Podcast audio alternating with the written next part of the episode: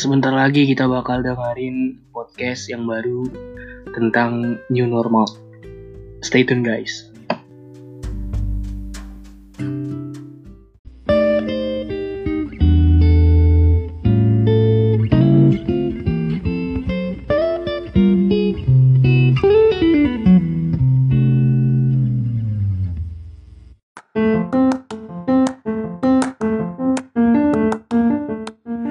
Iya, selamat datang lagi di podcast gue yang terbaru ini yang bisa kalian dengarkan dengan headset kalian yang sangat kalian cintai. Asik.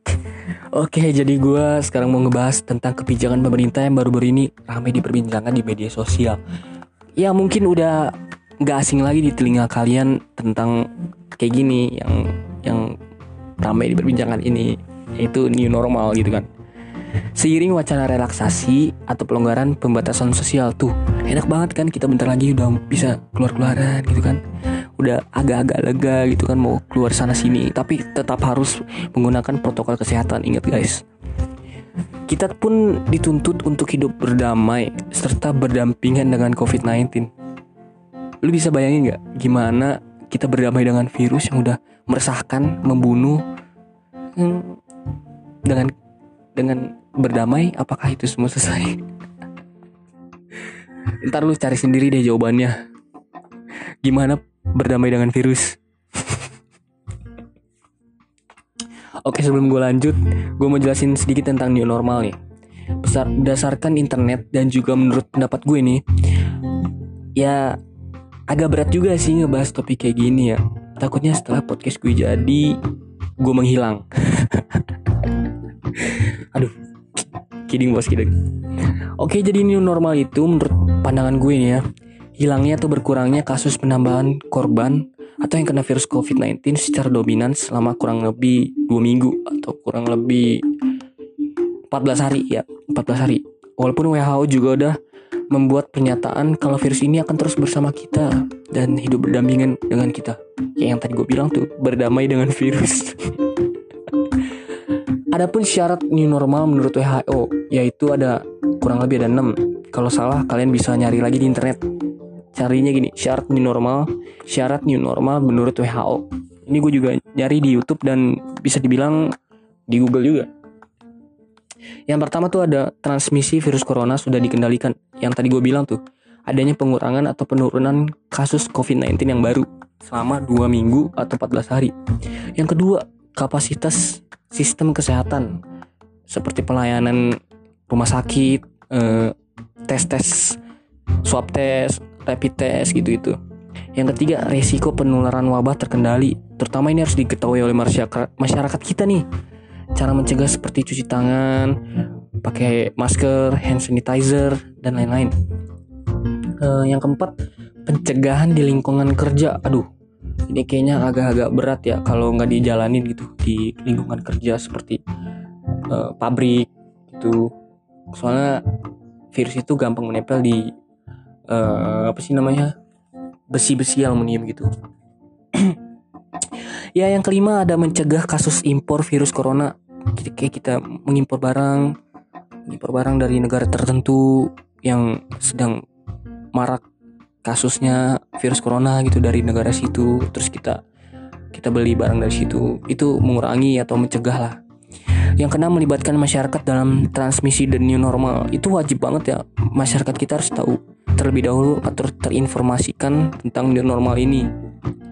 Nah itu tadi yang gue kasih tahu ke kalian tentang syarat-syarat new normal yang menurut WHO dan juga harus diperhatikan oleh pemerintah negara kita nih untuk menjalankan syarat new normal itu.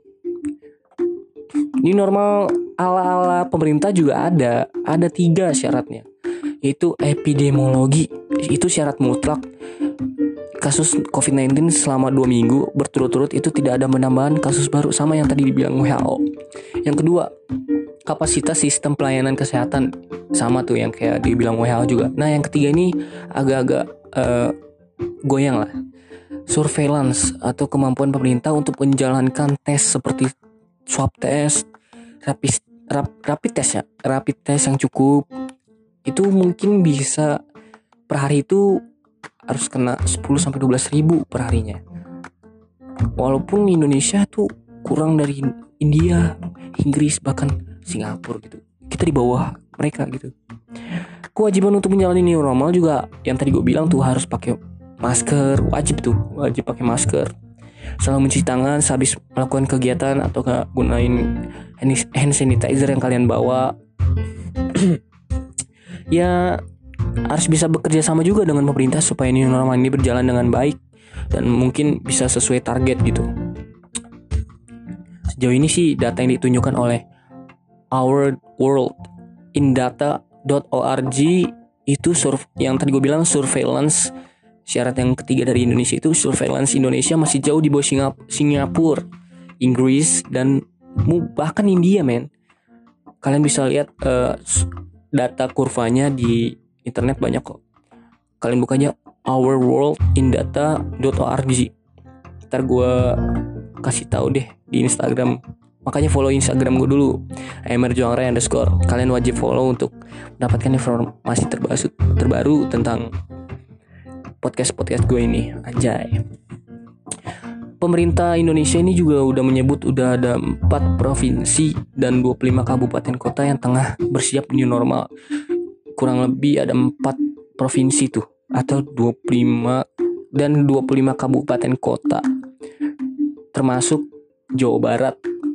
Ya kota provinsi gue. Anjay gue kota Depok Jawa Barat gitu.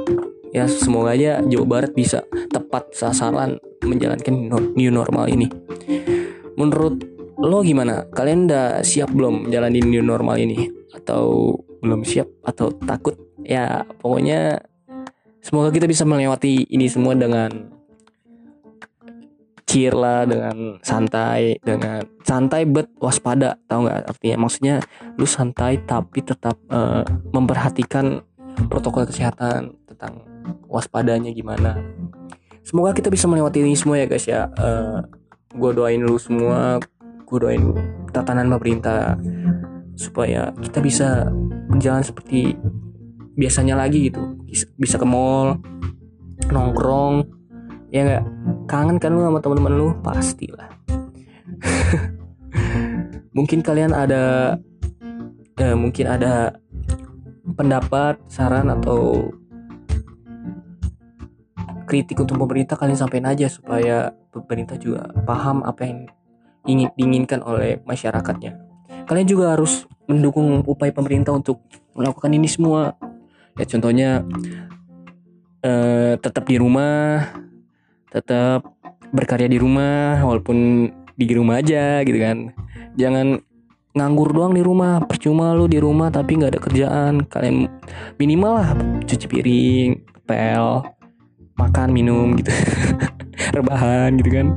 Rebahan juga kegiatan lo bos. Lu nggak tahu ya rebahan itu adalah suatu keajaiban dunia gitu. Kita bisa tenang chill untuk merasakan hari-hari gitu. Ya mungkin segitu aja yang bisa gue sampaikan informasi tentang new normal dan pemerintah ini. Semoga kalian bisa terinformasikan dan semoga kalian bisa dapat dah informasi dari gue dan Google yang dan YouTube yang tadi gue jelasin ini juga gue udah ngeriset pakai laptop gue tulis di di Word materi-materi ini. Makasih juga kalian udah dengerin podcast ini. Semoga kalian sehat selalu dan mendukung upaya pemerintah. Gue bukan pro ke pemerintah, tapi gue pro ke negara gitu supaya negara ini selamat dan nyaman gitu di tangan pemerintah kita. Oke, sekian dulu podcast gue kali ini.